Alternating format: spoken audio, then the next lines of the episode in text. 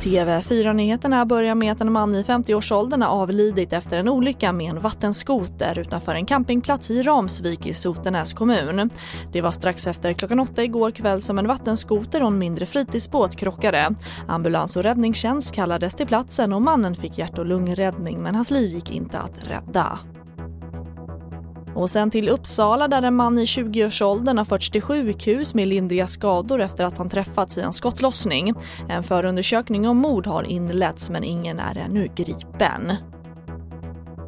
Och sen midnatt är nu alla svenskar välkomna in i Danmark för att antalet covid-19-smittade i Sverige sjunkit den senaste tiden.